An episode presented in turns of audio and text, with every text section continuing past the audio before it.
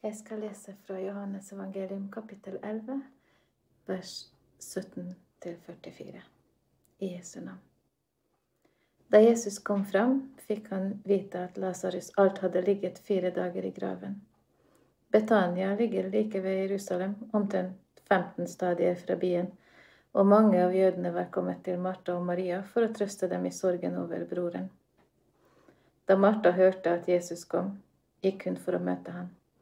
Maria ble sittende hjemme. Martha sa til Jesus, Herre, hadde du vært her, var min bror ikke død. Men også nå vet jeg at alt det du ber Gud om, vil han gi deg. Din bror skal stå opp, sier Jesus. Jeg vet at han skal stå opp i oppstandelsen på den siste dag, sier Martha. Jesus sier til henne, Jeg er oppstandelsen og livet. Den som tror på meg, skal leve om han enn dør. Og hver den som lever og tror på meg, skal aldri i liv i evighet dø. Tror du dette? Ja, Herre, sier hun. Jeg tror at du er Messias, Guds sønn, han som skal komme til verden. Da hun hadde sagt dette, gikk hun og kalte i all stillhet på sin søster Maria og sa til henne, Mesteren er her og spør etter deg. Da Maria hørte det, sto hun straks opp og gikk ut til ham. Jesus var ennå ikke kommet inn i byen, men var der Martha hadde møtt ham.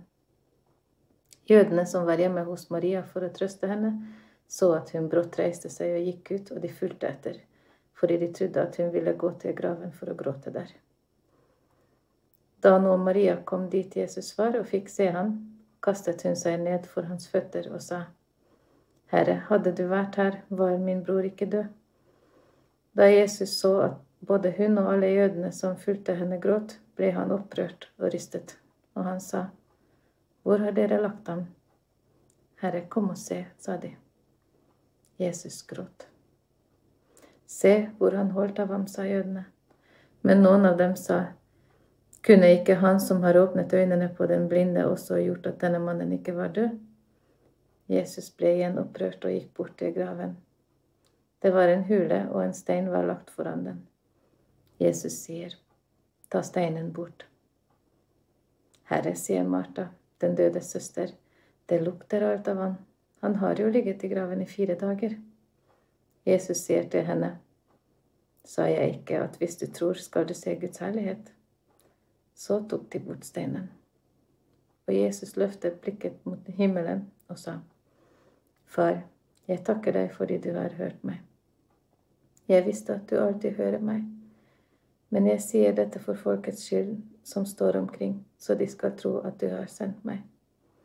Så ropte han med høy røst, Lasarus, kom ut. Da kom den døde ut, med liksvøp rundt hender og føtter og med et klede bundet over ansiktet. Løs ham og la ham gå, sa Jesus. Slik lyder Herrens ord. Da eh, Leo Tolstoy, den kjente russiske eh, forfatteren, var omtrent 50 år, så var han veldig langt nede. Så langt nede at han ikke visste om han orka å leve. Og Det som plaga han, det var det som han sier er det store spørsmålet for alle mennesker. Det spørsmålet som han mente at han ikke kunne leve videre uten å finne noe svar på. Nemlig hva vil det bli ut av livet mitt? Er det noe mening som ikke den døden som ligger foran meg, vil ødelegge? Jeg kjenner av og til litt på det samme. Da Tolstoy levde, var levealderen ikke stort mer enn 50 år. Den har jo økt i Norge i dag. Men jeg kjenner jo mange ganger når jeg hører om venner som blir syke og dør, eh, når jeg tenker på mitt eget liv, at livet er kort. Kjenn litt på den tristheten over at døden er en sånn brutal del av denne tilværelsen. Som prest så har jeg stått mange ganger på kanten av ei grav ute på kirkegården, der kista skal senkes ned i jorda. Alle har sett på meg, og de har sett de tre spadene med jord som jeg kasta på kista. Noen ganger er dette trist, andre ganger er det helt hjerteskjærende vondt Og etter jeg har kasta disse tre skuffene med jord på kista, så skal jeg lese et bibelvers. Og Da er det to bibelvers en kan velge mellom i den situasjonen. Men som regel så har jeg lest dette verset, som Jesus sier til Martha. Jeg er oppstandelsen og livet. Den som tror på meg, skal leve om han enn dør og hver den som lever og tror på meg, skal aldri i evighet dø. Og der stopper jeg når jeg leser denne teksten. Men Jesus han stoppa ikke der. Han sa ei setning til. Tror du dette, Martha?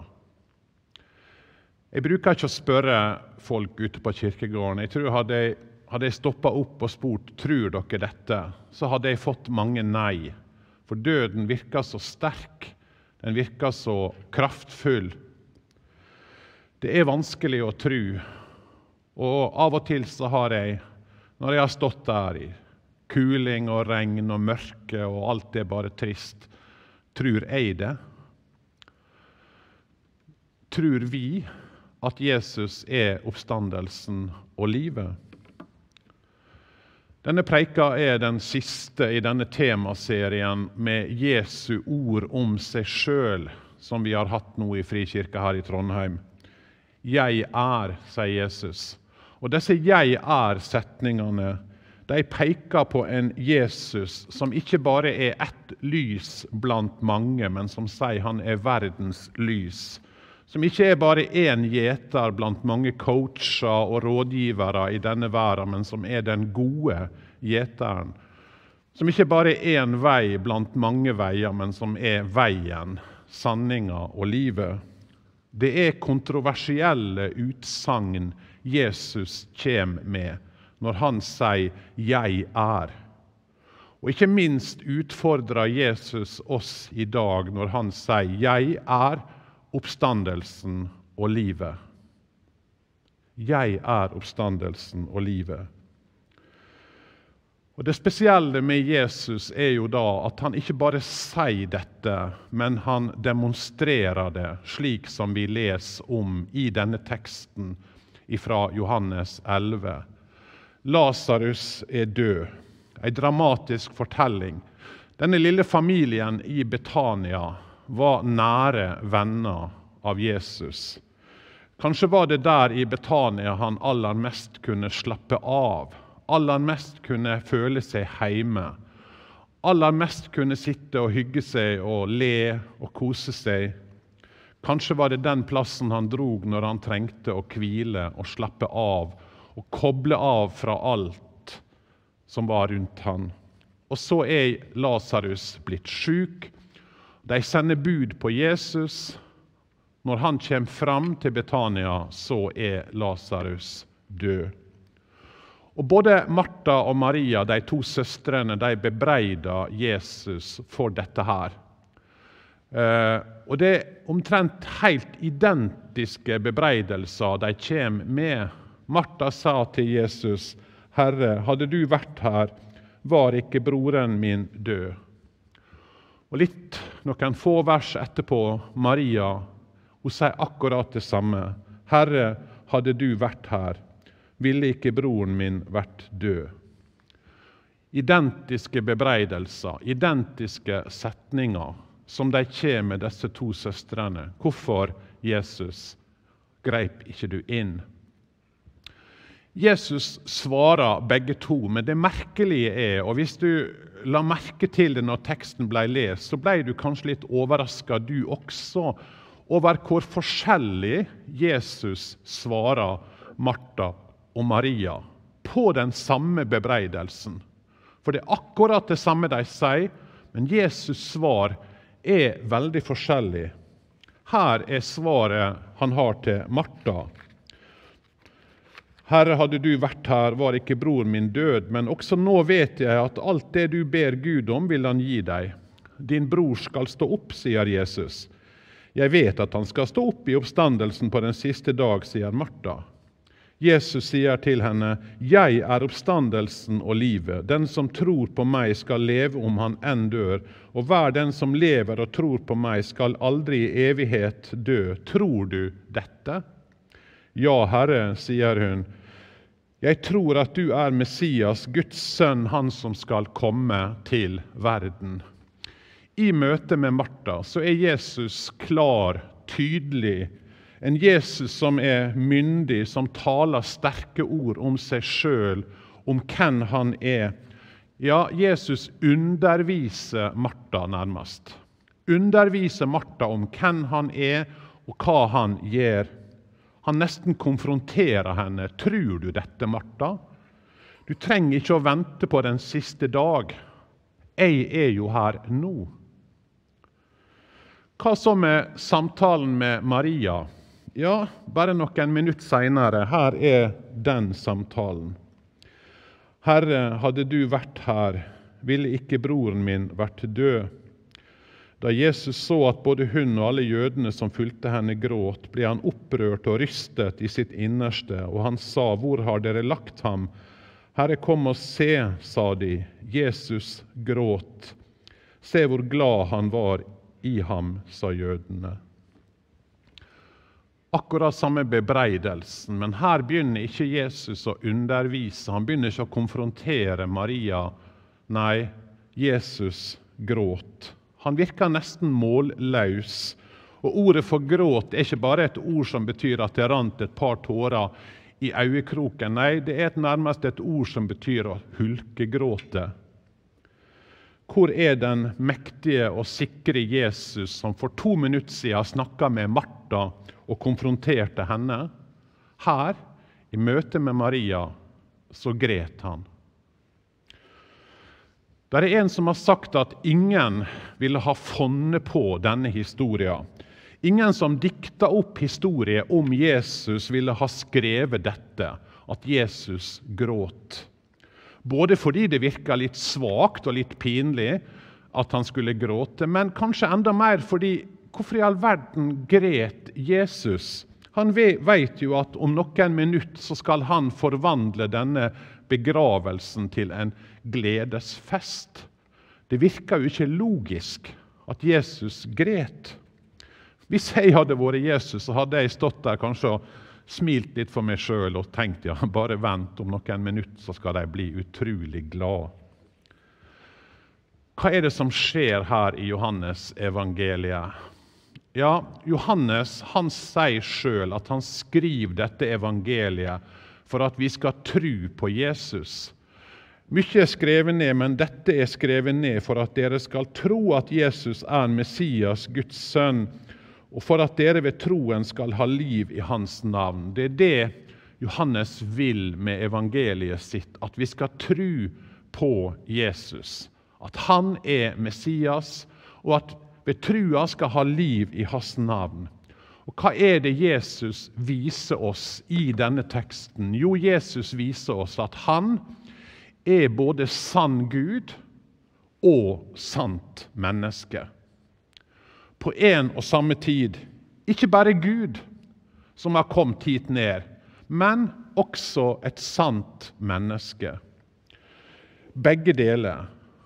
Og Vi strever jo med å holde de to tankene sammen. Hvordan kan Jesus være både Gud, sann Gud og sant menneske? Enten overfokuserer vi på hans guddommelighet, eller så er det fort gjort å overfokusere på hans menneskelighet.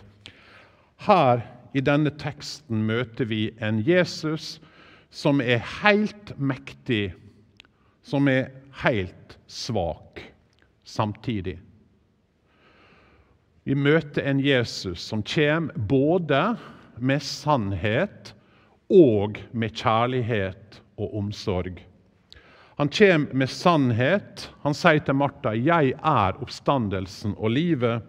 Og han kommer med omsorg og kjærlighet. Han gråter sammen med Maria fordi han er helt menneske. Og Det er det Johannesevangeliet prøver å hjelpe oss til å se og tro at Jesus virkelig er den Messias som skulle komme og være sant menneske og sann Gud, slik som det står i begynnelsen av evangeliet. Og ordet ble menneske og tok bolig iblant oss, og vi så Hans herlighet. En herlighet som den enbårne sønn har fra sin far, full av nåde og sannhet. Johannes sier da Gud kom hit til jord og blei et menneske, så kom han full av nåde og sannhet. Full av kjærlighet og omsorg og av sanning. Begge deler. De fleste av oss klarer ikke å være menneske ofte som holder denne balansen. Vi havner lett i ei av to grøfter. Enten sannhet uten kjærlighet, uten tårer, eller tårer og kjærlighet uten sannhet. Sjøl er jeg kanskje mest i den grøfta av sannhet. Jeg er ikke så veldig flink alltid til å gråte med de som gråter. Jeg har mest lyst til å komme med gode råd, komme med gode forklaringer. Jeg har mest lyst til å gi folk svar, gjerne før de har snakka ferdig. Av og til når kona mi Kari og jeg er sammen i en eller annen setting, så kan det hende at etterpå så sier hun til meg 'Så ikke du hvor trist han var?' Og jeg sier nei, jeg så ikke det. Jeg kan tenke ta deg sammen når jeg snakker med folk. Men jeg havner fort i den grøfta. Sannhet, men kanskje ikke så mye kjærlighet. Andre er gode på å være, vise sympati og vise kjærlighet. En liker ikke tydelige svar, og en liker ikke å konfrontere.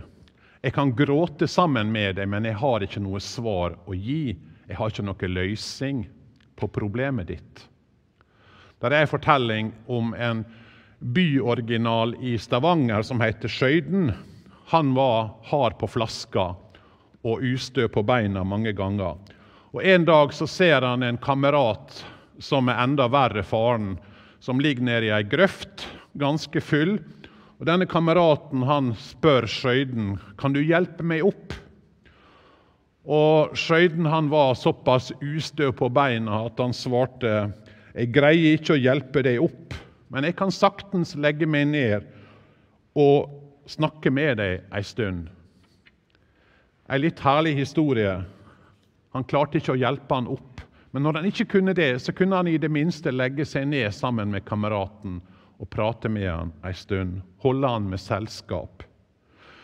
I møte med døden trenger vi mennesker som kan holde oss med selskap, som kan gråte sammen med oss, som kan kjenne på fortvilelsen og være der. Av og til uten å måtte si noe, uten å forklare, bare kjenne på jeg er der sammen med deg. Men djupest sett så trenger vi også noe mer. Vi trenger noen som kan reise oss opp. Jesus han kom med omsorg og medkjensle og tårer. Han gråt. Og Denne gråten til Jesus tenker jeg, det er ikke bare en gråt sammen med Martha og Maria, men det er en gråt sammen med alle oss som står ved ei grav og sørger over noen vi er glad i. Jesus gråt ikke bare over Lasarus, men han gråt over all den smerte og sorg som døden møter oss med her i livet. Han gret med oss, men han angriper også døden. Han går mot Lasarus' si grav ikke for å legge ned blomster og vise medkjensle, men for å reise han opp. For å konfrontere dødens gru, konfrontere dødens makt. Og Så leser vi noe merkelig når Jesus står framfor denne grava. Det står at Jesus var opprørt og sint. Vi hadde kanskje skrevet det enda tydeligere hvis vi skulle skrive det sånn som teksten egentlig sier, for det står Jesus var rasende. Han var opprørt, rysta og han ropa. Og det ropet er ikke bare sånt et rop, men det, er, det ordet er brukt for et dyr som hyler. Ikke sånn som når jeg er sint, og så må jeg fortelle ja, nå er jeg sint. Nei, han var opprørt i sitt innerste. Han var rasende. Skjelvende av raseri er det en oversettelse som har brukt. Så hvem er Jesus sint på i denne situasjonen? Hvorfor er Jesus så sint? Ja, han er ikke sint på Martha og Maria og de som gret, selvsagt. Han er heller ikke sint på Gud, sånn som vi ofte er i en begravelse, der vi føler at Gud burde ha grepet inn. Nei, hvem er Jesus sint på? Jo, Jesus er sint på døden, og på døden sine herjinger med oss mennesker. Døden er en fremmed. Døden er en fiende. Døden er en som ikke skulle ha vært der.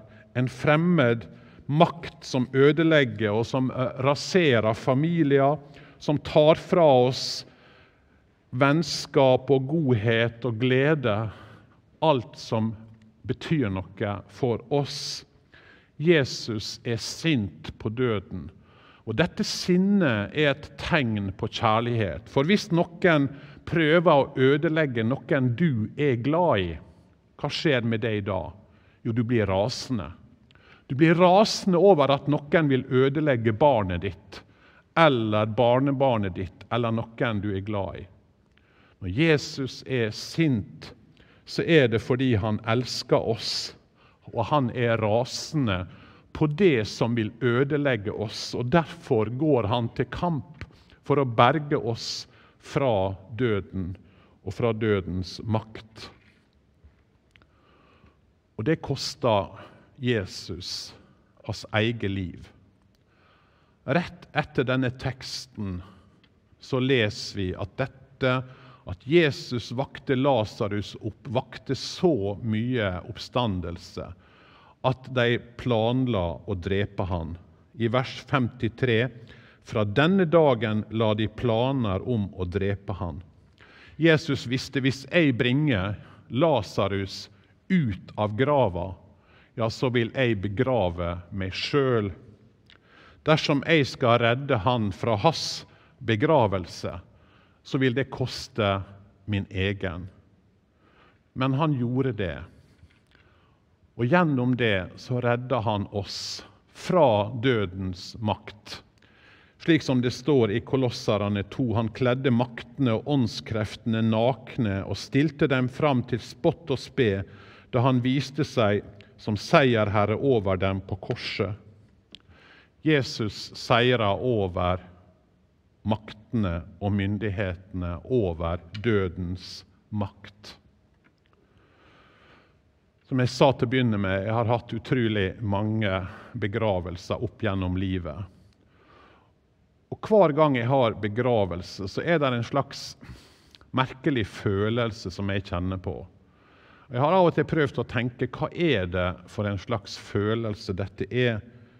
Og Jeg har kommet til at det jeg føler, det er at dette er ikke naturlig. At døden skal være det siste. At døden skal være den siste stengsel mellom oss mennesker. Det er jo dagens mantra, det å si jo da, døden er naturlig. Men jeg kjenner djup, et djupt instinkt eller en djup tanke eller en djup følelse at nei, det kan ikke være sånn det var tenkt. Det kan ikke være sånn Gud hadde tenkt det. Dette er ikke naturlig.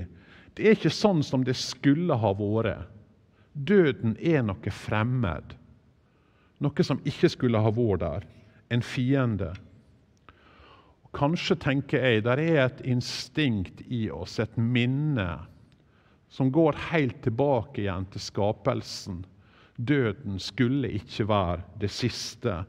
Vi er ikke skapt bare for dette.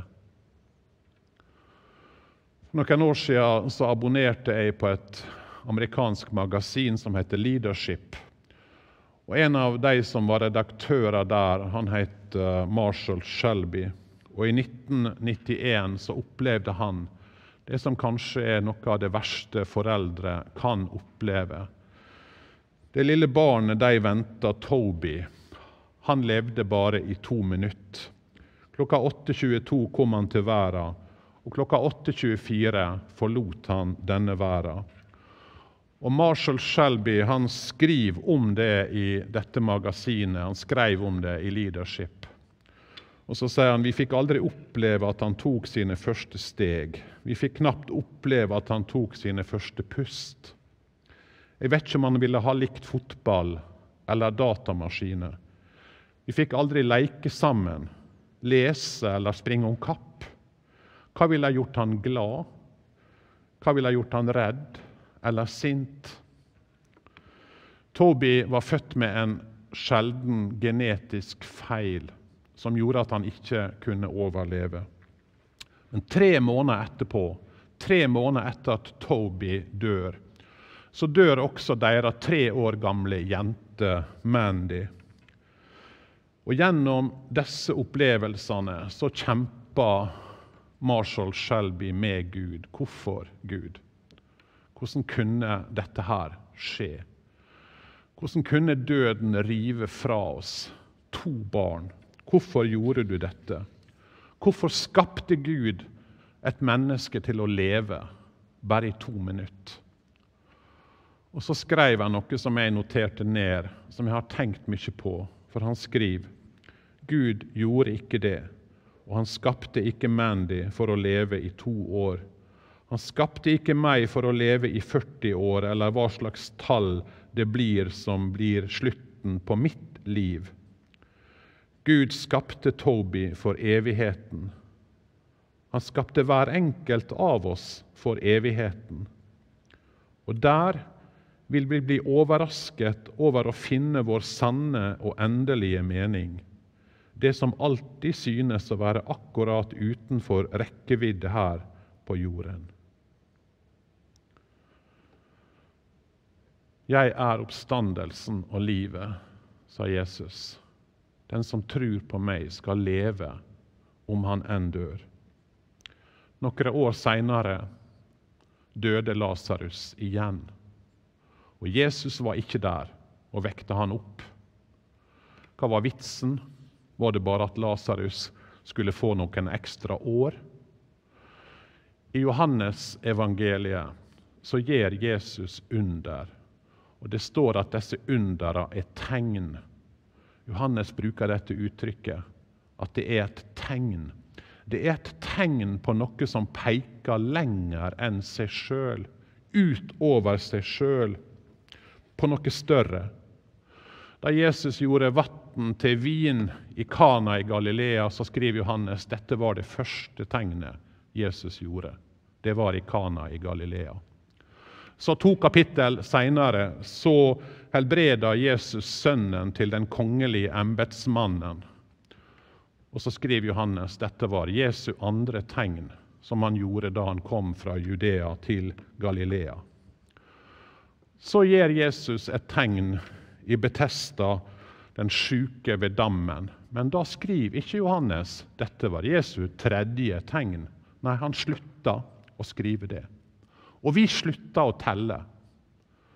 Men hvis du teller hvor mange under gjorde Jesus i Johannes evangeliet Ja, de fleste av oss vil ikke vite det, men en jøde som Johannes skrev evangeliet for, han skjønte her prøver Johannes å vise oss noe. Når han sier dette var det første, dette var det andre, så ville ikke en jøde slutte å telle. Han ville fortsette å telle. Og så hadde han telt seks tegn. Og hva hadde det minnet han om? Jo, det hadde minnet han om den Gud som skapte på seks dager denne verden. Og så minte det han om denne skapelsen som Gud står for. Og oppvekkinga av, av Lasarus er det sjette tegnet. Men det er ett tegn til i Johannes evangeliet, som kommer helt mot slutten, og det er Jesu egen oppstandelse. Det er hans første tegn på den nye skapelsen. Det nye Guds rike. Det endelige tegnet Jesus gir, er at han står opp fra de døde. At han seirer over døden og over det vonde.